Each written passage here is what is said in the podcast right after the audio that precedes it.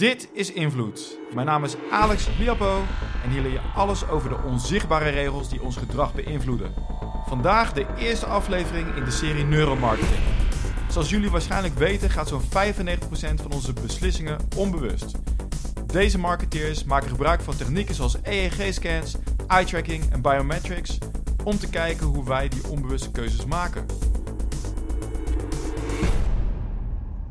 Vandaag praat ik met Tim Zuidgeest. Hij is mede-eigenaar van studio STNT. Het is een marketingbureau, maar dan een beetje anders. Hè? Ze verenigen creativiteit met neuromarketing.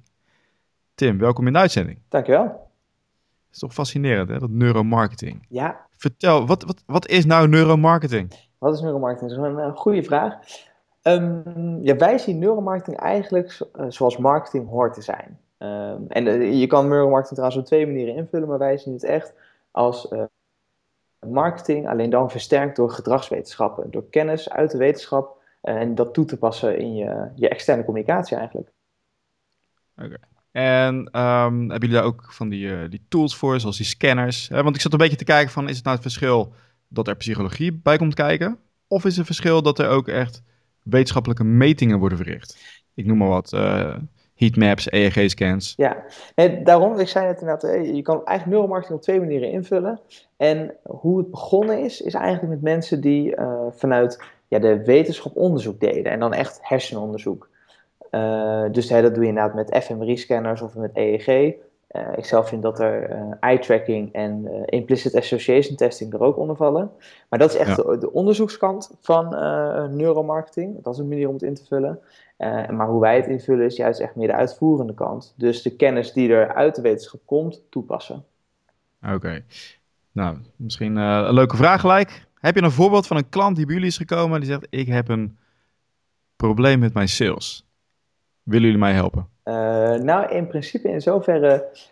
Dan is er weer de vraag, sales en marketing. Um, maar absoluut, in principe komen klanten bij ons met de vraag van... Oké, weet je, we komen niet verder met onze uh, sales dan, zo gezegd. Uh, en kunnen jullie daar dan niet bij helpen? Een voorbeeld daarvan is Corpus. Corpus is een interactief museum uit Leiden. een reis door het lichaam van de mens. En zij vroegen zich eigenlijk af, ja, weet je, hoe komt het nou dat de consument bij ons gemiddeld minder uitgeeft dan vergelijkbare museumwinkels? Uh, dus echt met die vraagstelling kwamen ze aan ons toe. En toen uh, hadden ze het programma Mindfuck gezien op, op BNN. Ja, ja. Superleuk. En eigenlijk daaruit kwam ook naar voren van, kan je niet de consument beïnvloeden om precies te kopen wat jij wil? je had van, in die uitzending zag je dat ze uiteindelijk konden voorspellen wat iemand in zijn winkelmandje zou leggen. Echt tot het merk wijn aan toe. Uh, dus nou, zij, zij kwamen eigenlijk naar ons toe na die uitzending gezien te hebben. Met de vraag, kunnen jullie dat voor ons doen? Nou, Mindfuck is een deel uh, illusie. het is ook een deel echt één op één beïnvloeding. Dus waarschijnlijk zou ik het ook voor elkaar kunnen krijgen om één persoon net hetzelfde merk wijn in zijn mandje te laten leggen. Maar het gaat natuurlijk gewoon om groepen in dit geval. Echt om algemeen gedrag van ja, miljoen, nou, wat is het, honderdduizend man die ze in één jaar er doorheen uh, weten te jassen daar. Ja. Um, wij hebben daar dus met onze psychologische bril naar gekeken. En daaruit halen we dus um, ja, voorbeelden uit de wetenschap uh, bij om te kijken wat nou zou kunnen werken. En dat zijn. Nou, ja, misschien kan je maar iets concreter maken. Ga je dan daar echt fysiek heen? Sta je in die winkel? Ja. Hoe gaat zoiets? Ja, dus um, we gaan er inderdaad fysiek heen. Het is voor ons heel belangrijk om te kijken hoe die winkel op dat moment eruit ziet, dat, vind, dat is natuurlijk een essentieel onderdeel. Maar ook hoe gedraagt de consument zich op dit moment in de winkel? Waar liggen de pijnpunten? Uh, en, bij Corpus waren sommige dingen ook ei, of, misschien ja, in de deuren die we intrappen. Maar um, je kwam daar de winkel in en je zag ook direct eigenlijk de algemene wachthal. weet je wel, met mensen die daar onrustig waren, want die begonnen net aan de, aan de tour. Mensen die ook vertrekkend waren. Als je naar de scholieren keek, zag je ook dat hun vriendjes al zeg maar, in de wachtruimte weer soort met, zaten te wachten terwijl zij nog door die winkel heen moesten. Waardoor ze uiteindelijk sneller die winkel heen uh, wilden gaan dan dat ze erin bleven. Ja. Een van de dingen die we daar hebben aangepast is heel simpel: gewoon een afscheiding maken, zodat je niet zo duidelijk ziet wat er in de algemene ruimte gebeurt. Ja, al die mensen die op jou zitten te wachten. Ja. Maar, Geroesmoes, ja. ja. Maar een van de leuke, en dan heb ik het meer over psychologie, uh, dingen die we gedaan hebben, is dat voordat je eigenlijk de winkel binnenkwam, zit je in een soort trappengang. Uh, en de laatste trap die je neemt, dan kijk je eigenlijk eerst tegen een muur aan waarop een bord stond. En dat op, op dat bord stond je bent aan het einde van de levenslijn. Het levenslijn was een soort met het ding wat je volgde door de infotheek heen. en een soort met wel thuis. Um, maar ja, goed, daar zet je mensen natuurlijk niet aan tot een shopping mindset. Die zet ze aan tot een soort met, ja, vertrek mindset. Ja. Ehm, en ehm, wij hebben daar gezegd, dat bord moet je vervangen. Daar zou je eigenlijk gewoon neer moeten zetten, gefeliciteerd, weer een ervaring rijker. En het idee daarvan was aan de ene kant gefeliciteerd om daarmee een gift-giving mindset te primen. Uh, gefeliciteerd, hoort bij verjaardag, hoort bij iets geven. Ehm, en aan de andere kant weer een ervaring rijker. Rijker zou dan het woord ja, rijker moeten primen. Dus echt het gevoel van dat je geld hebt. Voor de mensen die denken, wat is primen? Prime. Dus een beetje denken, denken aan de kleur, of uh, zoek de kleur rood in, je, in de kamer. Dan ben je prime de kleur rood en dan ga je het ook zien. Ja, ja, ja dat, is, dat is nou een goede uitleg op zich, ja. Uh, dus, maar dat was een van de, uh, een leuk voorbeeld eigenlijk die we, die we gebruikt hebben. Oké, en dan hoe gaat zoiets? Gaat dan gaan jullie een heel rijtje af van dingen die jullie gaan aanpassen? ja, we hebben in principe zes gebieden waarop we gaan kijken hoe we dat kunnen beïnvloeden. Of eigenlijk hè, waarop we dingen kunnen gaan doen. Dus dat betekent aan de ene kant uh, ja, eh, shoppingtijd vergroten. Maar aan de andere kant ook um, aanbiedingen promoten. Kijken of je daar wat mee kan doen. Er zijn in totaal zes gebieden waar we naar kijken.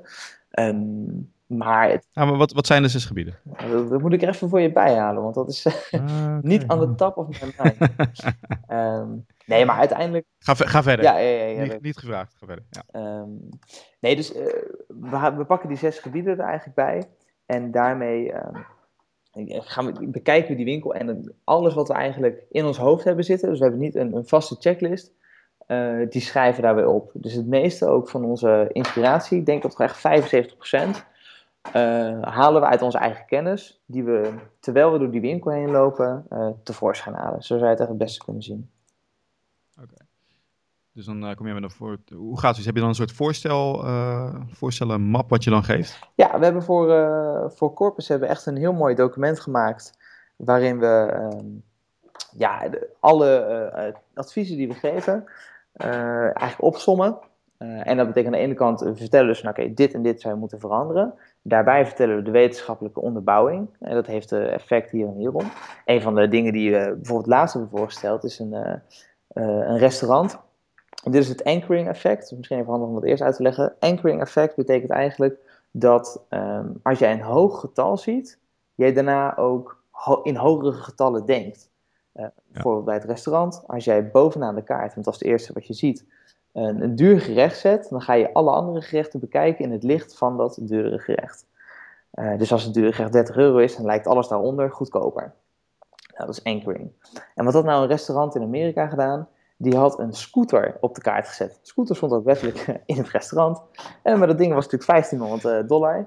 En die stond bovenaan de kaart. Ja, alles in het licht van 1500 dollar lijkt goedkoper. Ja, die is wel briljant. Ja, die is briljant. en uiteindelijk uh, was zijn omzet per persoon 35% hoger. Ja. Um, nou, dat is, dat is, natuurlijk slim. Dus een van de adviezen die je zou kunnen geven, en dat, daar komen we dan eigenlijk op als we in die winkel staan, is van nou, zullen we kijken of we een duur product uh, als eerste kunnen laten zien. En het liefst eigenlijk een beetje een extreem product. Niet uh, dat je ook direct denkt van nou in deze winkel zijn alleen maar producten te koop van 1500 euro. Maar wel iets wat logischerwijs ook zo duur is. Oké, ja. ik heb nog nooit zo gehoord. Ik hoor hem meestal in, uh, bijvoorbeeld met wijn, dat je hele dure wijn op de wijnkaart zet van 100 euro. Om die goedkopere wijn makkelijker te verkopen. Ja. Maar dit is wel een hele leuke. Ja, daarom. Ik heb trouwens die zes gebieden heb, ik, heb ik nu uiteindelijk opgezocht. Dus de ene kant is het zichtbaarheid. Uh, dus gewoon hoe kan je zorgen dat producten meer opvallen. Uh, en uh, een bepaald onderscheid aanbrengen tussen producten. Bijvoorbeeld producten met een hogere marge die meer laten uitspringen. Het tweede is automatisch koopgedrag. En dat zijn echt technieken die het koopproces vloeiender maken. Zodat eigenlijk automatisch en impulsief koopgedrag gestimuleerd wordt. Pinnen, ja graag. Pinnen, ja graag. Nou, inderdaad. Um, het pinlogo heeft inderdaad uh, ja, aangetoond. Het, het, laten zien van het pinlogo zorgt ervoor dat mensen ook meer geld gaan uitgeven. Kijk. Sowieso is ook het, het, gemak van betalen, hoe gemakkelijker betalen is, hoe meer mensen uitgeven. En daarom zitten grote retailers, zoals bijvoorbeeld Albert Heijn, zijn direct op het contactloos betalen gesprongen. Ja. Uh, omdat het veel minder pijn doet om te betalen. Nou, de derde is bezoektijd. Dus dat is ja, technieken die de zoektijd verlengen, zodat er meer gelegenheid is tot een aankoop. Om een voorbeeld te geven. Dat, dat, dat schot? Ja, precies, dat schot, zodat mensen niet direct door die winkel heen lopen. Ehm, de vierde is de shopping mindset. Uh, en dat zijn technieken die de passieve mindset van bezoekers transformeren naar een consument, uh, sorry, consumptiegerichte mindset. Uh, dus daar moet je denken aan het bord bijvoorbeeld. Maar er zijn nog heel veel andere technieken die je kan doen. Het pinlogo is ook eigenlijk daar ook weer een voorbeeld van. Omdat mensen als ze het zien, dat ze zien, hé, hey, die kan hier wat gekocht worden. Nou, ook shopping. Heb je, heb je daar nog een leuk voorbeeld van, hè? van de shopping mindset? Voor mij kom jij ook met het voorbeeld van een, een gelukkig gezin. Klopt. Um, dat is Ik weet niet meer of dat erbij kwam. Nou, dat erbij ja, half-half. In zoverre viel het bij hun wel na het onder de shopping mindset. Maar puur omdat we daar um, primeden dan, hè, dus weer dat, dat uh, gevoel neerzetten uh, van een cadeauwinkel. En ja, ja. dat gelukkig gezin dat had dan ballonnen en dat, ja, dat primet dan ook. Uh, ja, met je gezin daar shoppen ook, een beetje identificatie met de doelgroep. Um, maar goed, vijfde, dus de ene laatste is aandacht. En ja, puur technieken die middels omgevingssignalen de aandacht onbewust naar de gewenste objecten en producten stuurt. En dan moet je denken aan geluid. Uh, dat kan ook geur zijn, maar dat kan ook weer alleen visueel zijn door het uh, ja, pathfinding. Hè. Dus, is dus een manier die bijvoorbeeld op Corpus heel goed werkt. Uh, overal waar mensen heen moeten lopen zijn voetstapjes, zodat mensen weten welke, waar ze heen moeten lopen. Ja, die voetstapjes hebben wij uiteindelijk verlengd in de winkel ook. en dan die voetstapjes gingen hier heel simpel ja, niet richting de uitgang. Dat is eigenlijk een beetje het idee. Ja, ja, ja. Weet je, dat, dat is natuurlijk al een heel klein dingetje die ja, mensen, als ze er niet in zitten, die gaan direct naar de uitgang toe. Die hebben een heel andere mindset. Ja, als je dat een beetje kan afwijken, dan hebben ze opeens uh, interesse voor de producten die daar staan. Goed, en die laatste, dat is overtuiging. Um, en daar komt ook een beetje het verschil tussen uh, aan de ene kant hersenwetenschappen en ja, behavioral, dus echt gedragswetenschappen naar voren. Overtuiging zijn puur technieken die middels beproefde overtuigingsstrategieën uit de psychologie verleiden tot een aankoop. En, en dat is dan echt ja, gedragswetenschappen, dus hoe stuur je gedrag? En dat is minder gericht op dat hersenonderzoek, wat, wat eigenlijk heel specifiek is. Nou, ik kan misschien ook zeggen dat hersenonderzoek uh, het gedrag uh, meetbaar maakt, toch? Klopt, ja, voor een deel. Nou ja, goed, aan de andere kant uh, kan je gedrag ook op heel veel andere manieren meetbaar maken. Een leuk, eentje die ik heel leuk vind, is totaal eigenlijk niet met marketing te maken, maar wel om het gedrag en vooral het onbewuste gedrag duidelijk te maken, is een onderzoek wat ze in Amerika ook hadden gedaan naar racisme. Ze hadden drie condities. Mensen hadden zo'n virtuele, in een virtuele game eigenlijk gezet, met zo'n bril op. En um, daar in het spel, zeg maar in de eerste drie condities, in de eerste conditie, er waren overal, sorry, in alle condities, was zo'n bushokje met tekst erin, weet je, op zo'n reclameposter. de vraag aan alle drie de groepen was, uh, probeer te lezen wat er op, het, op die poster staat. Nou, in de neutrale conditie stond er niemand in het bushokje. Ja, daarna zag je dat ze zeg maar ongeveer 7 meter namen. Dus 7 meter was eigenlijk een, een, een relaxte afstand om het te lezen. Nou, in de tweede conditie hadden ze een autochtoon persoon gezet. Voor degene die natuurlijk aan het onderzoek meedoet, voor hem een autochtoon persoon. Daarin zag je dat ze al nou, 8, 9 meter afstand hielden. Dus ze, hielden wat meer afstand op het moment dat er iemand in stond. Oké. Derde conditie, je voelt natuurlijk aankomen, uh, een allochtoon iemand. En daarin zag je dat mensen significant meer, zeg maar 10, 11, 12 meter afstand hielden. De afstand waarbij het nog net leesbaar was, maar eigenlijk zeg maar, ja, echt net aan. Uh, en al die mensen die meededen, die zeiden, nee hoor, ik ben, ik ben niet racistisch. Terwijl je uit het onbewuste gedrag, of eigenlijk uit, uit zijn gedrag kan afleiden dat hij toch wel een bepaald vooroordeel heeft tegenover allochtonen. Uh, dus, maar dat, dat, op zich, hè, dat, dat onderzoek op zichzelf, uh, of de uitkomsten zijn natuurlijk erg zat, maar het idee van je onbewuste gedrag, dat dat eigenlijk veel meer aantoont uh, hoe je voelt of wat je denkt, dat dat super waardevol is. En dat is ook hetgeen wat wij willen toepassen, of eigenlijk ja, in de marketing. Ja, want je gaat dus uh, zuiver af op het hè, gedrag van mensen. Mensen kunnen uh, iets vinden. Hè, je kan ze ook, uh, vroeger werd ook al veel van die smaaktesten gedaan. Tussen Pepsi en cola bijvoorbeeld. Ja. Maar die schijnen dus ook heel onbetrouwbaar te zijn, omdat mensen wat roepen, wat misschien sociaal wenselijk is, en dat het helemaal niet overeenkomt met wat ze eigenlijk voelen. Ja. En misschien ook zelf niet eens, uh, ja, niet eens bewust van zijn. Klopt, het hele idee is natuurlijk dat mensen inderdaad, uh, dat het onbewuste beïnvloeding is, dus inderdaad, ze zijn er niet bewust van. Uh, voorbeeld van Pepsi Cola is natuurlijk heel interessant. Je hebt er ook eentje van Sony. En die spreekt ook heel erg tot de verbeelding, vind ik. Is dat, uh, ze hadden ook daar weer een focusgroep. Hè. Dat zie je heel veel onderzoeksbureaus zeggen, nou, we gebruiken een focusgroep. En dan gaan we vragen, wat vinden de mensen van dit product? Uh, Sony had gezegd, uh, we hebben een gele Walkman en een uh, zwarte Walkman. welke willen jullie? Nou, inderdaad, iedereen in die, in, in die focusgroep, of de meeste mensen, nou, die gele, super tof, pas goed bij mijn kleren, die zou ik willen. Oké, prima. Nou, zeg jongens, focusgroep is voorbij. Nou, de Walkmans die we hebben laten zien, die kunnen we niet meer gebruiken. Dus ja, die mogen jullie meenemen. Prima, we hebben hier een bak met de gele en hier een bak met de zwarte. Veel plezier. en wat zie je uiteindelijk? Dat toen de mensen weggingen, veel meer mensen uit de zwarte bak de Walkman meenamen nou ja, ook daar weer, hè, gedrag en wat mensen zeggen, dat komt dan niet overeen. Ja, en hoe komt dat volgens jou? Uh, nou, dat komt volgens mij omdat mensen ook zich niet weten wat ze willen. Um, weet je, de, je, je, probeert heel veel dingen te rationaliseren, uh, terwijl je eigenlijk, en daar, daar gaan wij vanuit, heel irrationeel bent. Uh, en als je ja, irrationeel, dat valt ook heel moeilijk te voorspellen natuurlijk vanuit jezelf. Uh, maar ja, met, met dat idee in je achterhoofd valt beter te verklaren waarom mensen het ene zeggen en het andere doen. Ja, mijn idee is inderdaad van mensen zijn uh, irrationeel en niet van, zijn niet logisch. Maar de hoofdbestuurder is eigenlijk dat reptiele brein hè, in je lichaam. Ja. Of in je hersenen. En die, ja, die werkt op emotie. Van, word ik aangevallen? Ja. Kan ik het aanvallen? Kan ik het eten? Kan ik er seks mee hebben? Al dat soort primaire behoeftes die komen daaruit voort. Ja. En op die manier kijk je naar producten. En vaak het rationaliseren achteraf. Ja, je hebt een keuze gemaakt op basis van die emotie. En achteraf kan je een mooi verhaal vertellen van waarom je dat gedaan hebt. En wat heel mooi klinkt. Maar in heel veel gevallen niet de waarheid is. Ja, ja ze zien het soms wel eens dat je hersenen als een soort met advocaten naar het achteraf probeert goed te praten wat je hebt gedaan. Ja. En dat je daar heel star uh, gedrag uit voortkomt. Je hebt wat dat betreft nog wel één leuk onderzoekje die echt wat teruggaat inderdaad op dat, die het, het reptiele brein. Uh, vereist een klein beetje uitleg. Hebben, hebben we daar tijd voor? Ja, ik heb wel tijd. Kijk, um, dus uh, wat hebben ze nou onderzocht?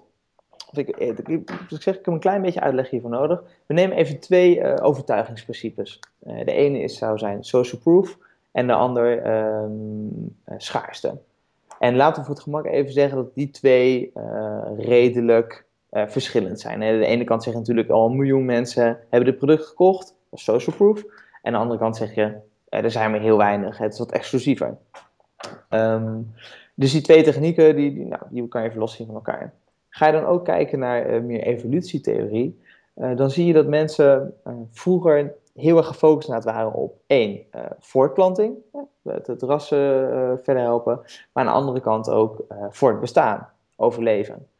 Uh, en wat hebben onderzoekers nou gedaan? Die hebben gekeken of die twee, of eigenlijk die vier, met elkaar uh, ja, uh, of daar wat interactie tussen zit. Want hun verwachting was eigenlijk, op het moment dat jij je wil voortplanten, dan moet je uniek zijn. Want je, je zoekt een maatje en als jij een van de honderd bent, ja, dan wil je natuurlijk dat je uiteindelijk opvalt, zodat je sneller een maatje vindt. En uniek zijn kan je bijvoorbeeld doen met iets wat niet iedereen heeft, oftewel schaarste. Dus zij verwachten eigenlijk dat op het moment dat jij wilt voortplanten, dat iets wat vermarkt wordt als schaarste beter werkt.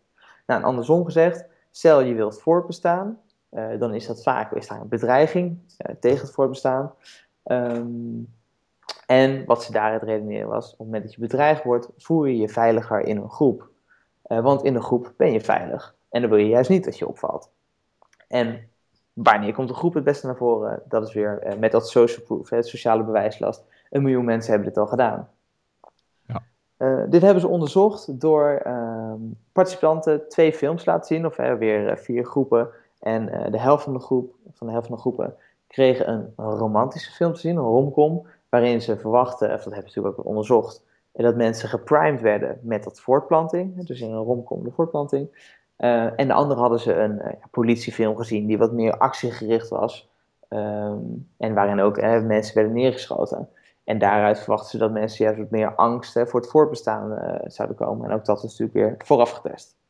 Uh, die twee condities hebben ze weer getest met twee reclameboodschappen aan het einde van het event, die, die ze te zien kregen aan het einde van die film. En aan de ene kant was het dus social proof, en aan de andere kant was het schaarste. En conclusie van het verhaal, wat zagen ze uiteindelijk?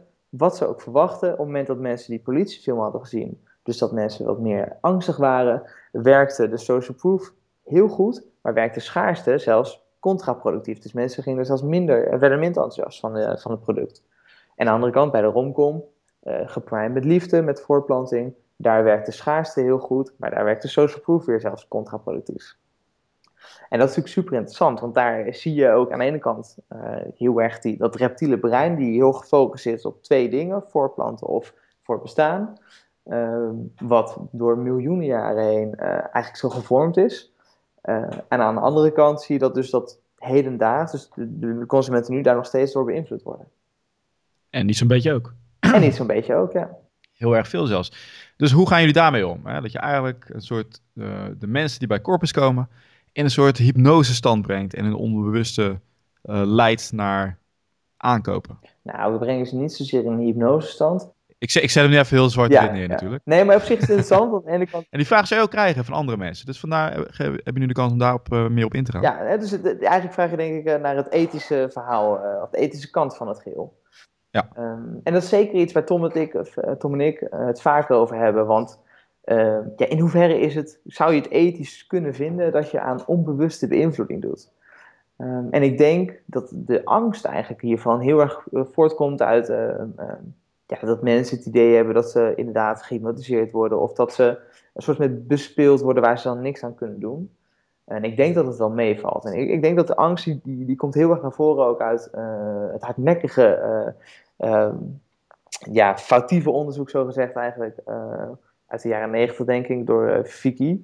Of Vichy, eh, zou ik moeten zeggen. Ja, dat zou ik even naar, naar moeten zoeken. Maar hij heeft het onderzoek gedaan met subliminal advertising, waarin ze in een film en in één frame kregen ze een Coca-Cola te zien. Of zouden ze dat ja. gezien hebben en dan zouden mensen meer cola drinken. Nou, dat onderzoek, dat was best wel snel daarna, uh, ja, eigenlijk afgedaan. Dat is niet waar. Hij heeft zichzelf ook toegegeven dat hij het verzonnen heeft. Um, en mensen kregen het ook niet gerepliceerd. Um, maar alsnog heel hardnekkig. Um, en mensen die, die halen dat nog steeds een beetje naar voren om te zeggen van ja, weet je, hier worden we beïnvloed op een manier waar we geen controle over hebben. Nou, dat soort technieken gebruiken we sowieso niet. Uh, want subliminal advertising, dat zijn inderdaad echt iets, ja, weet je, uh, dat hypnotiserende effect of iets wat je eigenlijk niet, niet door hebt. Um, maar ik ben aan de andere kant wel steeds van mening dat je wel een eigen wil hebt. Dus dat je uh, zelf nog steeds kiest wat je uiteindelijk wil kopen.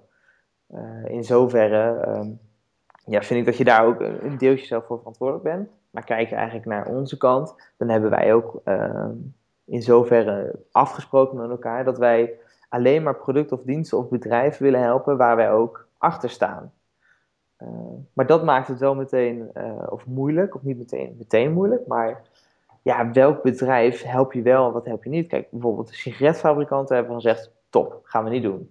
Uh, maar ja, snoepfabrikant, moet je, hoe zit dat dan? Want het is niet verboden. maar ja, snoep is ook niet direct goed voor je. Zouden we zo'n klant afwijzen of niet? Ja. Nou, vind ik, een hele... nou, ik, ik kan je misschien een beetje helpen. Hè? Zoals ik het zie, uh, is er geen andere soort beïnvloeding dan die onbewuste beïnvloeding. Mm -hmm. Dus mensen die denken van nee, je moet het wel op, uh, op de normale manier doen. Hè, die 5% target uh, die wel rationeel is. Maar ik geloof daar ook niet in. Ik geloof eigenlijk dat alles via het onderbewuste gaat. Ja. En het is gewoon een kwestie van, ja, doe je dat beter, ja of nee? Nou, het is vooral slimmer. Kijk, um, ja, doe het slimmer. Ja, ik ben het ook met je eens. Aan de ene kant vind ik marketing of advertising, is iemand iets laten doen wat hij aanvankelijk niet van plan was. Heel simpel, want aanvankelijk was hij niet van plan om dat product te gaan kopen en daar wil je hem toch toe uh, gaan overzetten. Dus dat is voor iedereen, ook mensen die er niet aan psychologie doen. En aan de andere kant is ook heel veel onderzoek uh, wat gedaan is, kwam eigenlijk uit het uh, real life, zo gezegd. Cialdini is een, een van de bekendere auteurs op dit gebied en ook onderzoekers, die hier onderzoek naar hebben gedaan. En wat zij puur hebben gedaan, of hij, of in ieder geval zijn team, is kijken naar real life situations waar dit soort beïnvloedingstactieken voortkwamen. En hij heeft het gewoon puur gebundeld. Ja. Dus ja, weet je, dus het gebeurt al, weet je, of uh, autoverkopers passen die uh, trucs net zo goed toe. Ehm, alleen, ja, wij Nou ja, la, laat, ik, laat ik hem anders zeggen. Als je een, gezin hebt met je vriendin of, of andersom met je man, dan pas je ook al die tactieken toe. Ja. Schaarste, social proof, ja, die, die heeft dat ook gekocht. Weet je, al, dat, al die termen. Dus we doen het allemaal. Ja, klopt. Ja, dus dat, uh, kijk, wij vinden ook, weet je wel, uiteindelijk, uh, het gaat gewoon over een bepaalde wetenschap en die pas je overal toe. En ook hier uh, vind ik dat je dat goed kan toepassen en dat je dus ook moet doen. Wat voor soort bedrijven kunnen bij jullie terecht? is dat met een x aantal personen in dienst? Kunnen dat eenmanszaken zijn? In principe zou natuurlijk iedereen bij ons kunnen aankloppen, maar je ziet wel dat onze toegevoegde waarde, ehm, ja, heeft, het zijn kleine aanpassingen die een groot effect hebben. maar als wij bijvoorbeeld, bij Corpus hebben gezorgd voor 54% meer omzet, nou, waarschijnlijk op hun totale omzet is dat een, substantieel bedrag. Maar stel dat jouw omzet alsnog maar 20.000 is en wij zorgen voor 50% meer omzet, ja, wat is dan vervolgens de opdracht voor je waard? Um, dus je ziet eigenlijk dat bij grotere bedrijven is het rendabeler om onze kennis toe te passen.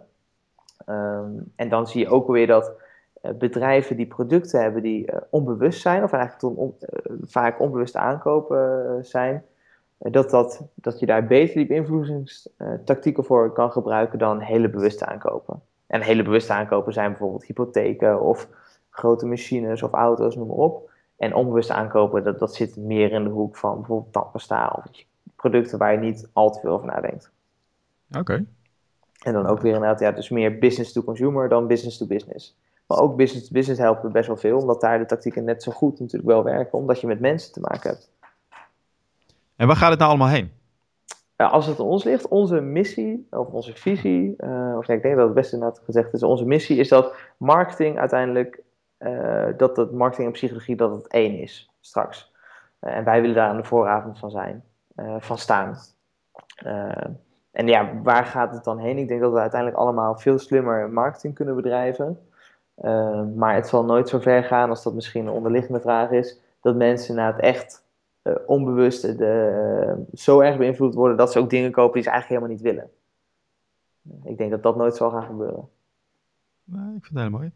Tim, ik wil je erg hartelijk bedanken. Ik zou iedereen ook aanraden, ga je van de car Corpus, spreekfoutje, Corpus om te kijken hoe het er nu uitziet. En ik heb zelf ook uh, de, de speech van Corpus uh, gehoord over alle aanpassingen die jullie hebben toegepast. En ze waren er echt heel erg blij mee. Ja, ja. Dus ik vind, uh, ik vind het heel fascinerend. Uh, dus uh, is er nog iets wat je toe wil voegen aan de luisteraars? nou ja, op zich wat ik leuk vind, we zijn bezig met, als ik een klein beetje promotie moet doen, wat dan niet helemaal van onszelf is. We zijn bezig met een platform, dat heet New Neuromarketing. waarin we de laatste inzichten uit de wetenschap, die dus in de wetenschappelijke journals heel droog en saai verteld wordt, die zetten we eigenlijk om naar interessante blogs die goed leesbaar zijn met ja, effecten en tactieken die je ook als marketeer kan toepassen. Um, en dat, dat, blog is al eigenlijk super populair, daar zijn we een half jaar mee bezig. Maar nu al hebben bedrijven, of in ieder geval werknemers van bedrijven zoals Apple, Nike, KLM, Lego, nou, zich allemaal ingeschreven. Dus het is ah. een interessant platform om je ook in ieder geval op te kijken en daar misschien de, de laatste weten, of ja, het laatste inzicht te volgen. Ja, ik heb hem ook gezien. Dat is heel gaaf. Die uh, newneuromarketing.com. Ik zal daar een linkje van, uh, van plaatsen in de show notes. Ja. En je blogt ook voor uh, Frank Watching. Klopt, klopt ook. Ja, ik ga, binnenkort komt er een blog online. Ik denk dat ik over twee maanden publiceer. Denk na de zomervakantie liefst. over ja, de beïnvloedingstactieken van IKEA. En dan niet degene die je natuurlijk al weet, hè, degene van dat, dat je door de IKEA zo heen gestuurd. Je, je helemaal gek maken. Ja, maar echt de wat onbewustere, die, diegene die je niet direct wist. Uh, dus daar, daar, kijk ik ook heel erg naar uit. Dus ik uh, ben ook benieuwd. Case study, kijk. Ja, ja, zeker. Dat is heel interessant. Thanks. We kijken, we kijken uit, Tim. Hey, bedankt, man. Top. Ja, ja, ook bedankt.